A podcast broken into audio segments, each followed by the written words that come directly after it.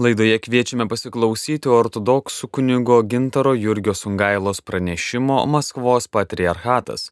Kaip pasikeitė dialogo erdvė nuo karo pradžios. Įrašas iš studentų teidininkų Žiemos akademijos Mūsų draugai, mūsų priešai.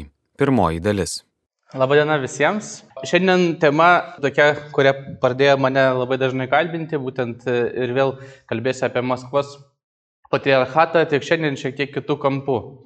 Ir mano pranešimas pavadintas yra Maskvos patriarchatas, kaip pasikeitė dialogo erdvė nuo karo pradžios. Šitas studijų savaitgalis yra pavadintas mūsų draugai, mūsų priešai. Tų žodžių vartoti pavadinime nesinorėjo, nes kaip ir matysime iš mano pranešimo, aš manau, kad yra galimybė šnekėti tiek apie vieną, tiek apie kitą. Ir būtent du pagrindiniai klausimai, apie kuriuos bandysiu garsiai su jumis pasvarstyti ir tikiuosi, kad šita paskaita pereis palaipsniui į mūsų dialogą, į klausimus, atsakymus, pokalbį, nes iš tikrųjų čia tokia tema, kur apibrieštų atsakymų ir nėra. Du klausimai pagrindiniai, kame šiandien Maskvos patriarchatas, žiūrint ir mum kaip Lietuvos piliečiam socialiniu požiūriu, ir žiūrint mum kaip krikščionim jum daugeliu katalikų ar net tai ekumeniniu požiūriu, o man kaip e, ortodoksų, kaip stačiatikiui, tai e, savo bažnyčios vidaus santykių požiūriu, kame išriškėja, sakykime, priešo aspektas ir kame draugystės aspektas. Ir šiandien turbūt Lietuvoje kaip tik e, didesnis iššūkis kalbėti apie draugystę ir dialogą. Dėl to aš taip, kaip sakiau, pasirinkau pavadinime, kaip pasikeitė dialogo erdvė. Nes dialogas, žinoma, yra būtinas ir kaip matysime, galime išvelgti tam tikrą pagrindą jam, Bet e, jis, aišku, darosi sudėtingas ir šiandien, kai vyksta tokie skausmingi įvykiai Ukrainoje ir kai Maskvos patriarchato vadovybė iš esmės juos palaiko, Lietuvoje sudėtingiau jau kalbėti apie tą draugystę, lengviau kalbėti apie priešiškumą. Bet komeniniam kontekste svarbu prasminti abu dalykus. Ir pirmiausiai tokia pastaba, kad mes kalbėsime apie Rusijos arba Rusijos ortodoksų bažnyčia, dar kitaip vadinama stačiatikių bažnyčia, bet reikia aiškiai suprasti, kad ortodoksų bažnyčia yra daugiau negu viena Rusijos bažnyčia, negu vien Maskvos patriarchatas. Skirtingai negu Romos katalikų bažnyčia, ortodoksų bažnyčia neturi vieno žemiško centro, ją sudaro šiuo metu 16 skirtingų ortodoksų bažnyčių, kurios vadinamas nepriklausomomis arba autokefalinėmis. Čia šitam žemėlapyje matot kaip tik pažymėta įvairių skirtingų autokefalinių bažnyčių veiklos teritorija, o ten, kur pažymėta visokiais dryželiais, tai teritorijos, dėl kurių įvairios bažnyčios dėje nesutarė. Bet tos skirtingos 16 bažnyčių, jos visos yra apjungtos kelių pagrindinių dalykų. Tai pirmiausia yra bendras tikėjimas, nes visa ortodoksų bažnyčia išpažįsta vieną ortodoksų tikėjimą ir ne viena pavienė bažnyčia negali jo keisti. Tas tikėjimas yra nustatytas visuotinių bažnyčios susirinkimų. Katalikų bažnyčia išpažįsta 21 susirinkimą, mes pripažįstam tik 7 susirinkimus vykusius pirmajam tūkstantmetyje, bet tie susirinkimai yra bendri katalikų ir ortodoksų. Tai 7 visuotiniai susirinkimai apibrėžia tą tikėjimą, aiškiau žinoma, kad tikėjimas remiasi kaip ir katalikų bažnyčiai šventuoju raštu ir šventąją tradiciją. Bet, žodžiu, jeigu yra kažkokie tai tikėjimo klausimai, juos spręsti turi visa bažnyčia kartu visuotiniam susirinkime. Pavienė jokia bažnyčia to spręsti negali. Taip pat yra tam tikra visuotinių susirinkimų numatyta bendra bažnyčios disciplina, taip vadinama kanonų teisė. Pavienės bažnyčios gali turėti savo atskirus kanonus, bet visa bažnyčia turi tam tikrą ir bendrą kanonų teisę, kuri visiems bendra ir kurios pavienė bažnyčia negali keisti. Kitais klausimais, visais viskupų skirimo, vidinės organizacijos ir taip toliau, toliau kiekviena bažnyčia yra visiškai nepriklausoma. Ir Maskvos patriarchatas šiuo atžvilgiu irgi savo veikloje Išskyrus tos klausimus, kuriuos minėjau, yra nepriklausomas. Taip pat dar nepaminėjau, kad bažnyčias, aišku, jungia bendri sakramentai. Bendra Euharistija, pirmiausia, viršūnė minima dažniausiai sakramentų, bet šiaip kiekvienos bažnyčios tikintieji ir dvasininkai gali priimti ir teikti sakramentus kitos bažnyčios tikintiesiems. Ir čia yra 16 tų autokefalinių bažnyčių mano minėtų sąrašas. Ir tai svarbu ir šiame kontekste suprasti, nes e, Maskvos patriarchatas yra ortodoksų bažnyčios dalis. Tai nėra visa ortodoksų bažnyčia. Ir kai mes kalbėsime apie Maskvos patriarchatą, tai, kas ten vyksta, negalime to taikyti kitom ortodoksų bažnyčiom. Ir kai žvelgiame į problemą taip, tai netgi, sakykime, kumeninio dialogo su ortodoksais apskritai kontekste, ta problematika atrodo visai kitaip, nes problemos vyksta bažnyčios dalyje. Dar aš čia paminėjau tokius du skirtingus terminus - Rusijos bažnyčia ir Rusijos bažnyčia.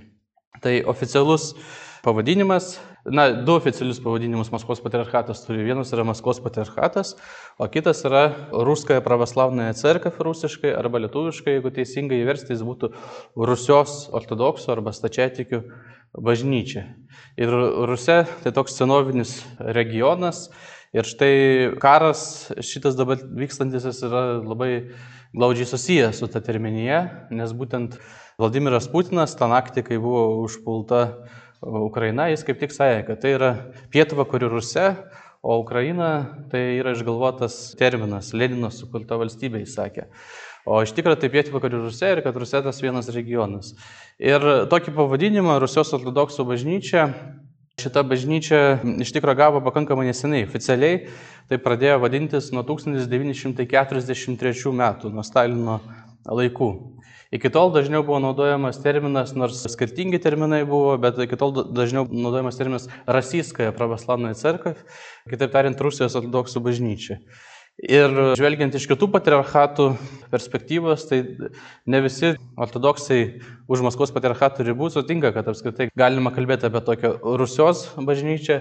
Dažnai yra vartojamas terminas Rusijos bažnyčia. Pavyzdžiui, Konstantinopolio patriarchatas visada sako, kad tai Rusijos bažnyčia, kuris centras yra Rusijos valstybėje, o tą Rusijos pavadinimą jie patys sugalvojo, bet bažnyčioje ne visai taip yra keičiami bažnyčių pavadinimai ir statusai, vis dėlto turi būti derinama ir su kitom autokefaliniam bažnyčiam. Šiuo atveju Konstantinopolio patriarchato suteikiami dokumentai, taip vadinamas Tomosas, apibrėžia bažnyčios pavadinimą ir jos veiklos teritoriją. Čia tokie įvadiniai dalykai, bet apie ką norėsi pakalbėti, ar ne, vat, tos, kad šiandienos ta problema, kuri yra karo kontekste iškilusi, Ji iš tiesų iškylo ne pastaraisiais metais ir e, net ne prieš 10 ar 20 metų. Iš tiesų, žvelgdami į Rusijos bažnyčios istoriją plačiau, mes galime pamatyti šitos problemos užuomasgas mažiausiai 20-ojo amžiaus pradžioje.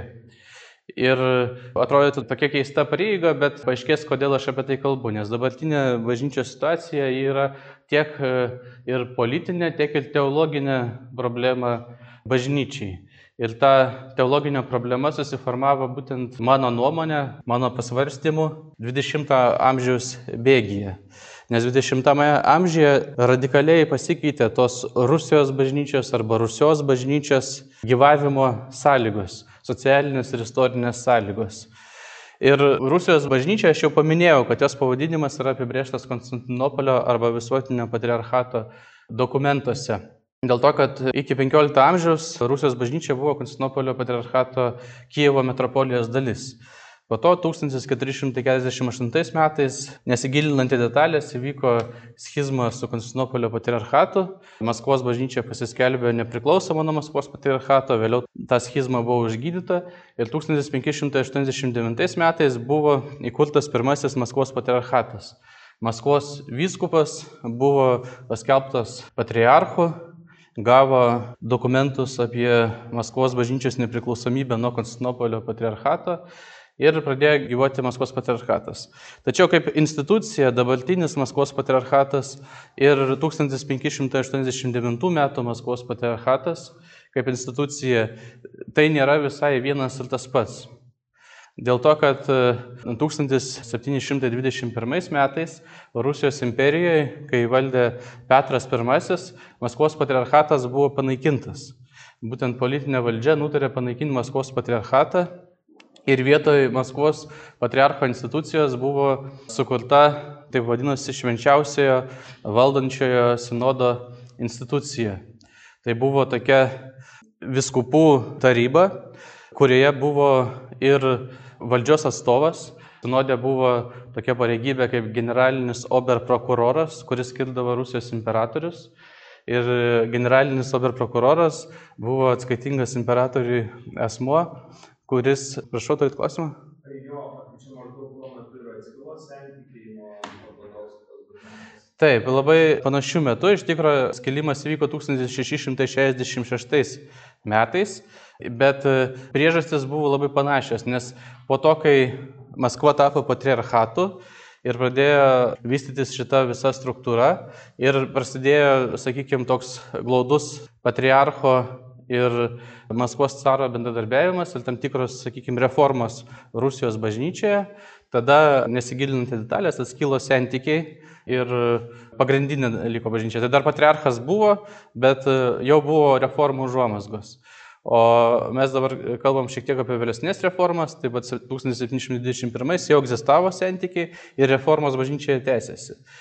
Ir tos reformos, kaip minėjau, čia netgi ortodoksų bažnyčios ekleziologijos mokymo apie bažnyčią požiūrį, tai nėra normalu, kad štai bažnyčioje nėra patriarcho, bet to yra tas sinodas.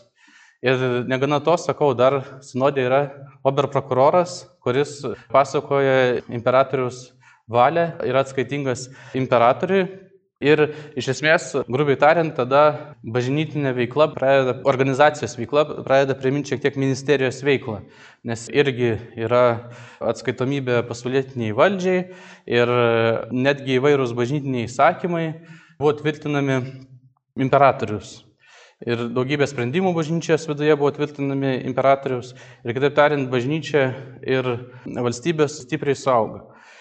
Ir tuo metu, kaip sakiau, jau pati ta struktūra, ortodoksų bažnyčios platesnių tokių požiūrių, žvelgiant iš ekleziologijos, iš mokymo apie bažnyčią požiūrių, situacija nėra normali bažnyčioje, jos valdyme, o kita vertus, ji dar labiau deformuojasi, kadangi, žinoma, Rusijos imperijos valdžia nusprendžia, kad jeigu imperatorius ir Rusijos imperijos valdžia, jie yra ortodoksų tikėjimo gynėjai ir gina ortodoksų tikėjimo interesus, kad nebereikalingi tam tikri susirinkiminiai organai, kurie paprastai valdo bažnyčią.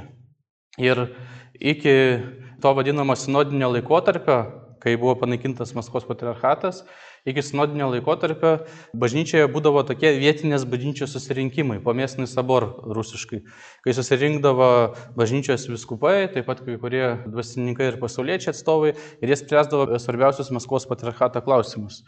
Bet, e, taip sakant, kai yra imperatorius, kuris sprendžia bažnyčios klausimus, tai jis iš esmės nusprendžia, kad toks jam papildomas organas yra nereikalingas.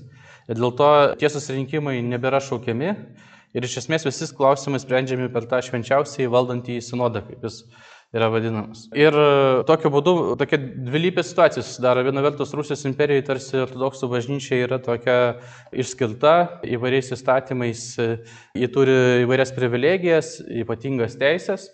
Bet kita vertus, bažnytiniu požiūriu, jeigu žiūrim ne pro politinę, o bažnytinę prizmę, pro krikščionišką prizmę, tai ji yra suvaržyta, ji neturi galimybės savarankiškai savęs valdyti ir dvasininkai neturi autonomijos nuo pasaulietinės valdžios. Ir dėl to, kai 1917 metais įvyksta revoliucija, kai yra iš pradžių, žinoma, vasarį panaikinama monarchija, o paskui po spalio revoliucijos jau ir apskritai įvedinėjama nauja socialistinė santvarka, tai vienas pirmųjų žingsnių dar po vasario revoliucijos, ką daro Rusijos bažnyčia, ji šaukia šitą vietinį bažnyčios susirinkimą kad bažnyčia, taip sakant, kaip institucija atsigautų, kad e, vėl atgytų jos vidiniai valdymo organai ir kad ji vėl taptų autonomiška nuo pasaulietinės valdžios. Ir tuo metu 1918 metais jau po spalio revoliucijos yra išrenkamas naujas Maskvos patriarchas Tichonas ir yra atkuriamas Maskvos patriarchatas. Jis yra atkuriamas, bet e, jau vykstant revoliucijai vyksta didelis konfliktas su komunistais ir nauja komunistinė santvarka Dalis, žodžiu, bažnyčia nėra normaliai valdoma, nes dalis žmonių pilietinio karo metu yra monarchistų, baltųjų valdomose teritorijose, kiti yra komunistų valdomose teritorijose, kažkas bėga į užsienį, patriarchas Tichonas paskui ir įkalinamas. Rusijos bažnyčia komunistų valstybėje neturi valstybinės registracijos, ji tokia kaip ir nelegali organizacija. Patriarchas Tichonas netgi skelbė ekskomuniką visiems komunistam Ir toks chaosas, galima sakyti, ne tik samišis valstybėje, bet ir samišis bažnyčioje ir bažnytinėme valdyme. Ir pagrindinis klausimas yra toks, kaip gyventi tame besikeičiančiame pasaulyje ir koks bus pasaulis, žinoma, po pilietinio karo. Kadangi yra dvi alternatyvos - senasis monarchistinis režimas ir naujasis komunistinis režimas. Dar neaišku, kuri iš jų laimės. Kita vertus, Taipogi yra klausimas dėl bažnyčios santykio su valstybe, nes visą sinodinį laikotarpį bažnyčia, kaip sakiau, funkcionavo iš esmės kaip ministerija. Ir dabar naujoji Rusijos valstybei, koks bus bažnyčios santykis su valdžia, koks bus bažnyčios santykis su nauja ideologija. Ir žinoma, nereikia pamiršti ir tai, kad šita valstybė, komunistinė valstybė, kuri formavosi Ji buvo ateistinė ir jie atvirai skelbė savo kovą su religija.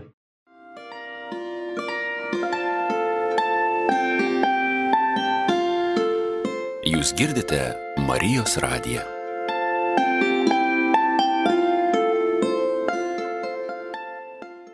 Patriarchas Tichonas iš esmės diskutuotina kaip paskutiniais savo gyvenimo metais, o jisai 1925 metais mirė, kaip jis mąstė, bet, kaip sakiau, jisai skelbė ekskomuniką komunistam ir iš esmės iš pradžių jis laikėsi pakankamai griežtos pozicijos komunistinės valstybės atžvilgių. Suprasdamas, kad yra sprogdinamos cerkvės, kad yra žudomi kunigai ir kad neaišku, kiek jisai ilgai gyvens ir greičiausiai prie jo mirties irgi prisidėjo komunistai, jis buvo sugalvojęs kad e, jeigu ką, bus trys galimi įpėdiniai jam pakeisti. Kitaip tariant, e, jis suprato, kad nebus galimybės vėl sušaukti vietinės bažnyčios susirinkimą ir nepaisant priimtų, sakykime, tam susirinkime normų, sugalvojo pats paskirti, kad jeigu man kas nors atsitiks, vietoj manęs galės būti kitas viskupas, kuris laikinai į patriarcho pareigas iki bus išrinktas patriarchas. Jeigu kas nors jam atsitiks, Tada vietojo galės dar kitas viskupas, kurį užrašė patriarchas Tichonas, eiti pareigas. Jeigu kas nors ir jam atsitiks, tada buvo numatytas dar trečias viskupas. Atsitiko visiems trim. Visi trys atsidūrė kalėjime ir tada vienintelis žmogus, kuris, taip sakant, jau nenumatytoj situacijai pradėjo eiti laikinai patriarcho pareigas ir jo oficialiai pareigos skambėjo taip, kad laikinai einantis pareigas vietoj patriarchas vadinasi lokus tenins, tas, kuris laiko, laiko vietą, kol bus išrinktas patriarchas. Tai jis buvo to vat, trečiojo viskupo lokus tenins pavaduotojas. Žodžiu, jisai buvo laikinai einančio pareigas pavaduotojas, kuris laikinai ėjo laikinai einančio pareigas. Nes buvo tokia sudėtinga šalyje situacija.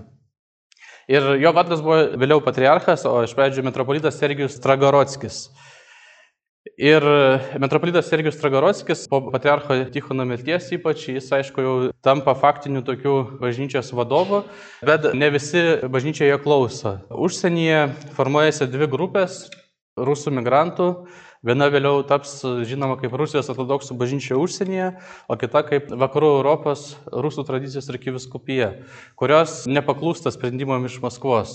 Pačioje Rusijoje atsiranda toksai judėjimas, kuris vadinasi Nipaminaišyje arba neminintis, turime omeny, kad pamaldų metu neminintis metropolito Sergijos Tragorovskio vardo.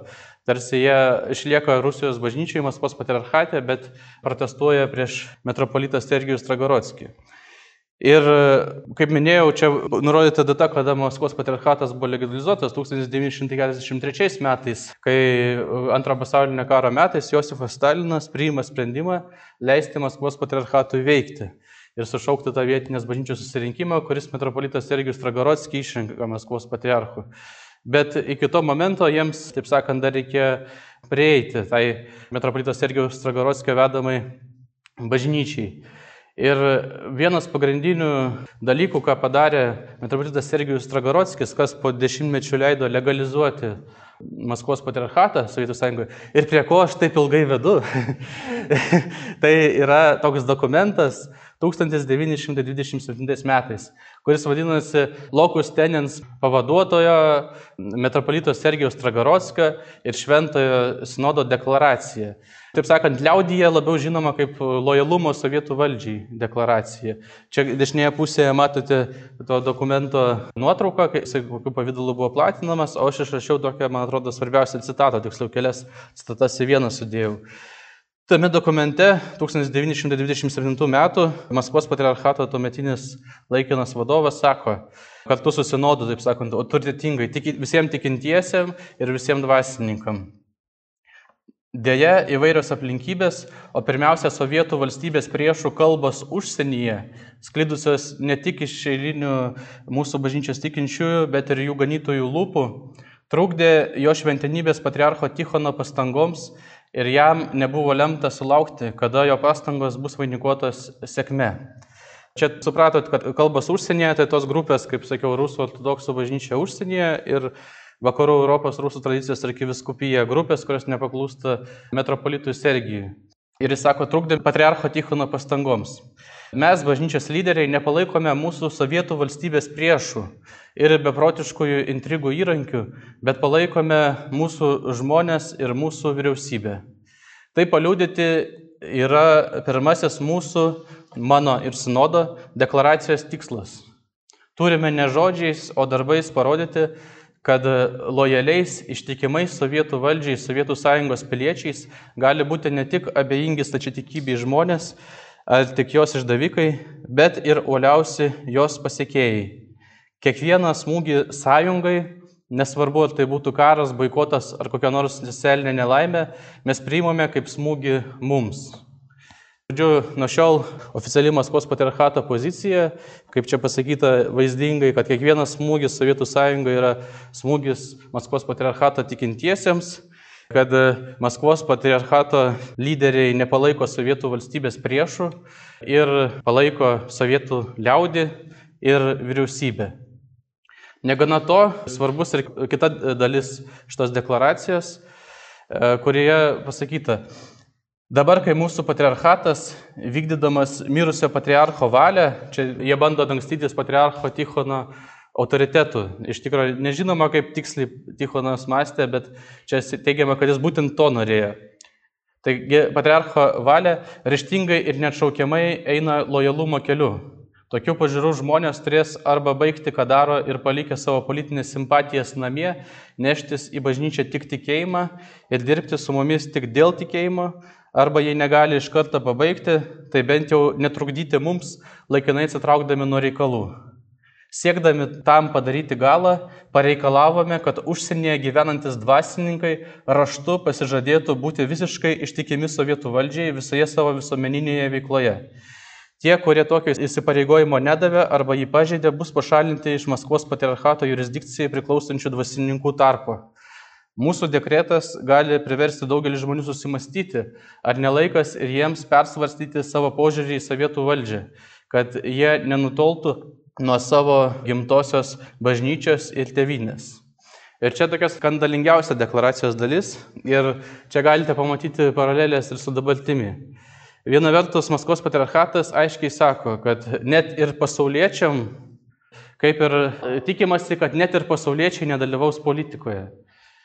Komunistai tegul užsiema politiką, komunistų partiją, o jūs pasauliečiai, jeigu norite ateiti į bažnyčią ir mąstote kitaip negu komunistai, tada prašau, palikę savo politinės simpatijas namie, neškitės į bažnyčią tik tikėjimą.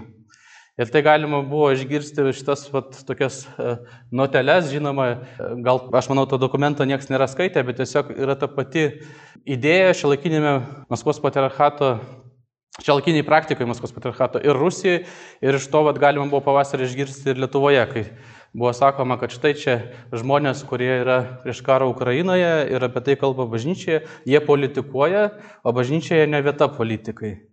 Bet e, kyla logiškas klausimas, jau gyvenam demokratiniai visuomeniai, e, kad e, taip dvasininkai, jie negali ten dalyvauti politikoje, baltiruotis, palaikyti įvairių politinių partijų ir panašiai. Turi išlaikyti politinį neutralumą tam tikrą.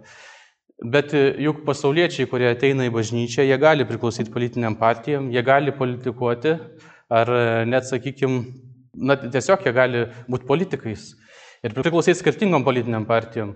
Bet e, būtent va, ta senoji kultūra ir senoji doktrina santykių su valstybė, kuri ilgainiui gavo sergijanizmo pavadinimą, ji būtent e, supranta santykius su valdžia taip, kad bažnyčia iš esmės skatina žmonės nedalyvauti politikoje, o mainais už tai palaikydama politinę valdžią jie gauna tam tikrus dividendus iš politinės valdžios.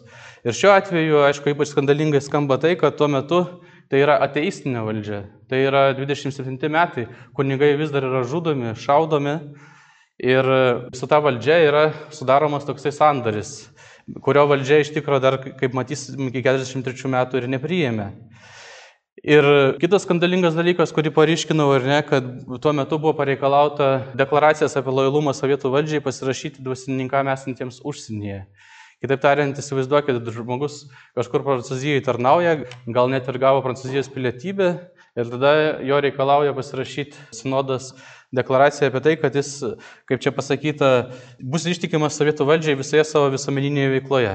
Tai aišku, daug kas to pasirašyti negalėjo.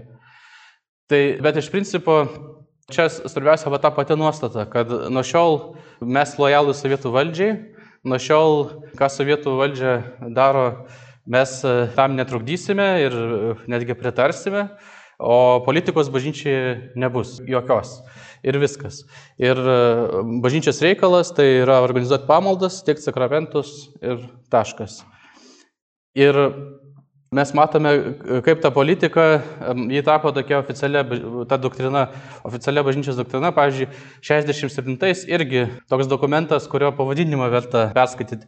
Jo šventenybės patriarcho Aleksijos I ir šventojo sinodo laiškas tikintiesiems spalio revoliucijos 50-mečio proga. Ir šiame dokumente, ir šiame dokumente Sakoma, visa mūsų bažnyčia su dėkingumu prisimena ir uoliai saugo šviesų atminimą apie mūsų pirmojo hierarcho, jo šventenybės patriarcho Sergijaus darbus. Dievo apvaizda paskyrė šiam išmintingam hierarchui vairuoti bažnyčios laivą lemiamų Rusijos ortodoksų bažnyčios istorinio gyvenimo laikotarpiu. Tvirtai laikydamas vairą, nepaisant kliūčių ir sunkumų, jis vedė bažnyčią tiesiu ir vieninteliu teisingu keliu nuoširdžių santykių ir gero bendradarbiavimo tarp Rusijos ortodoksų bažnyčios ir sovietų valstybės bei visuomenės keliu. Visų pirma, jau po mirties Sergijaus šlovinamas tas jo pasirinkimas, jau čia praėjo 20 metų nuo jo mirties. Ir kita vertus, sakoma, kad tai buvo vienintelis teisingas kelias ir viskas padaryta teisingai. Negana to, šiame dokumente bažnyčia žengia dar toliau ir ne tik deklaruoja, taip sakant, patvirtina tiksliau savo lojalumą sovietų valdžiai, bet ir kalba apie spalio revoliucijos gerumą. Tai kita citata iš to paties dokumento. Prieš 50 metų mūsų šalyje įvyko didžioji revoliucija, iš esmės pakeitusi žmonių santykius ir turėjusi išskirtinę reikšmę visos žmonijos istorijai ir gyvenimui. Mums ištikimiems mūsų šventosios motinos Rusijos ortodoksų bažnyčios, sunums ir dukroms, kad ir kur būtume savo tėvinėje ar už jos ribų, dėrėtų prisiminti 1917 m. spalio 25 dienos istorinį įvykį, turėjusi tokį įvairiapusį poveikį mūsų tautos gyvenimui. Revoliucija pakeitė pačią žmonių santykių esmę, padarydama visus piliečius lygius vieni kitiems ir pašalindama iš mūsų visuomenės bet kokią priešiškumo galimybę tarp skirtingų rasių ir tautybių žmonių, tarp skirtingų įsitikinimų, pažiūrų ir socialinės padėties žmonių.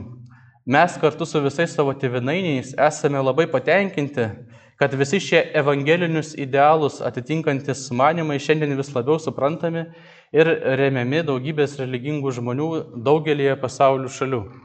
Kitaip tariant, čia e, ne šiaip deklaracija buvo tokio lojalumo, bet ir dažnai persistengiant netgi ir sakoma, kad štai kad, tai, ką daro sovietų valdžia, spalio revoliucija, visą tai atitinka evangelinius idealus.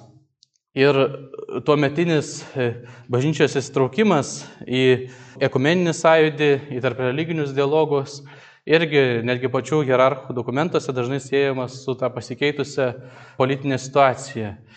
Ir norėtųsi pasituoti tokį tuo metu 70-mečio 20 amžiaus hierarchą bažnyčios metropolitą Nikodemą Rotovą, kuris buvo atsakingas už ekumeninius santykius.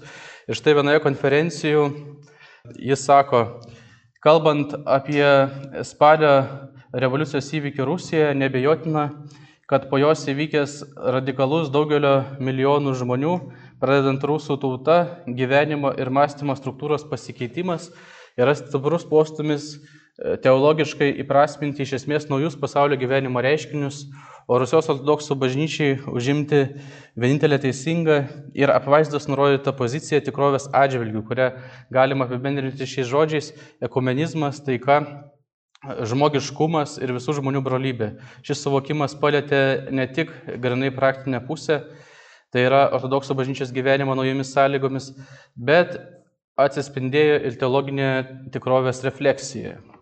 Ir svarbu suprasti, ar ne, kad e, irgi kokia buvo ir ta žala padaryta sergenistinio tokio posūkio tose santykiuose su bažnyčia, nes tas pats metropolitas Nikodemas Rotovas, jisai keliaudamas pas skirtingas pasaulio krikščionių konferencijas ir panašiai, jis e, pastoviai kalba apie tai, kad e, Sovietų sąjungoje egzistuoja religijos laisvė, kad ortodoksai nėra persikėjami, kad e, štai bent jau viešai kalba apie tos evangelinius idealus, kaip jie atitinka Sovietų sąjungos politiką ir kaip kartu Maskvos patriarchatas ir Sovietų sąjungos vadovybė kovojo už taiką pasaulyje.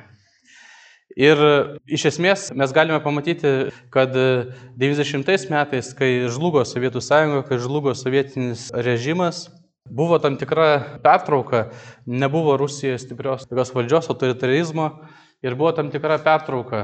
Ir tuo metu daugybė krikščionių ortodoksų turėjo daug vilčių susijętų su bažnyčios ateitimi.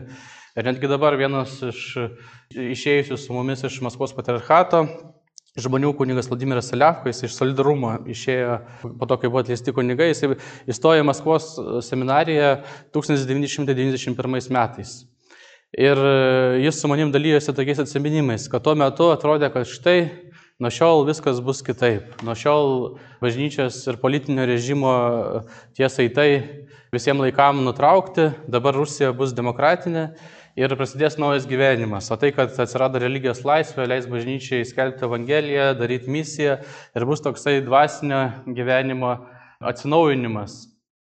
Ir, žodžiu, buvo viltingas laikas, bet štai nuo 99-2000 metų į valdžią ateina Vladimiras Putinas, patruputį atsiranda ta autoritarinė sistema ir linko vėlgi aš vedu, kad mes galime pamatyti tame, kas vyksta dabar, tasą to, kas vyko sovietmečiu. Kad e, lygiai taip pat kaip sovietmečiu e, štai patriarchai ir metropolitai kalbėjo apie tai, kaip sovietų valdžia atitinka evangelinius idealus ir kaip viskas, ką daro, iš esmės yra gerai ir kaip e, Sovietų sąjungos problemos yra visų Maskvos patriarchato tikinčių problemos. Lygiai taip pat tie viskupai, kurie iš tikrųjų tas pats patriarchas Kirilas ir kiti viskupai, daugelis jų jie buvo gyvi sovietmečiu ir jie yra šitos sistemos auklėtiniai. Ir lygiai taip pat atsiradus vėl stipriai valdžiai, jie tiesiog grįžta prie senų tropų. Kad štai e, viskas, ką daro valdžia, yra krikščioniška, atitinka evangelinius idealus, kad kartu mes, taip sakant, kovosime už tas vertybės ir taip toliau ir taip toliau. Ir žinoma, irgi mes praeitais metais girdėjome netgi tokių keistų nuokrypių, kaip ir tam dokumente, kur spalio revoliucija atitinka evangelinius idealus, taip ir praeitais metais buvo tokių keistų pareiškimų apie tai, kad visiems, kas kovos kare su Ukraina ir žus muša laukia, kad bus atleistos nuodėmės ir panašiai ir panašiai. Irgi toksai perdėtas olumas įtikti valdžiai ir padaryti visą tai, kas reikalinga. Kita vertus, Maskvos patriarchas Kirilas jis įnešė ir šitą naują, dėl to, kad pastaruoju metu irgi daug kalbėta apie rusų pasaulio ideologija. Ir patriarchas Kirilas, netgi jis pats dar būdamas metropolitas ir priklausydamas tokiai organizacijai, kuri vadinasi e, Pasaulio rusų kongresas, jis samoningai formavo tą rusų pasaulio doktriną, o tą rusų pasaulio doktriną ji savyje jungia tokius, pasiek paties patriarcho Kirilo, tris pagrindinius elementus. Kad visų pirma yra tam tikra bendrystė tarp visų rusakalbių kad yra, žodžiu, visi, kas kalba rusiškai, galima sakyti, kad e, jeigu save identifikuoja rusais, tai jie yra kaip ir rusai. Ir e, apie tai patriarchas Kirilas netgi ir pamokslose e, kalba, kad štai jisai kalbėdamas, tarkim, apie ukriečius, sako, turiu menį, tarkim, rusus. O antras momentas yra kultūrinis bendrumas, kad jis kalba apie tai, kad yra tam tikra rusų kultūra, kuri visus jungia, Ir tam tikra e, trečias elementas - istorinė atmintis. Pirmiausia, apie antrą pasaulinį karą, bet kartu ir apie didesnę tą praeitį, o ypač čia svarbi ta visa Rusijos istorija. Ir kaip Rusijos ortodoksų bažnyčia, net ir žlugus Sovietų sąjungai, jungia tą vieną vieningą Rusijos teritoriją. Dabar tai viskas yra susiję su Putino argumentacija dėl Ukrainos užpolimo, dėl ko daug kas ir netgi pavadino Patriarchą Kirilą šio karo įkvėpėjų inspiratoriumi. Šioje laidoje klausėmės ortodoksų kunigo Gintaro Jurgio Sungailos pranešimo Maskvos patriarchatas, kaip pasikeitė dialogo erdvė nuo karo pradžios. Įrašas iš studentų teitininkų Žiemos akademijos Mūsų draugai, mūsų priešai. Klausėmės pirmosios dalies. Tesinio kviečiame klausytis kitą savaitę tuo pačiu metu. Likite su Marijos radiju.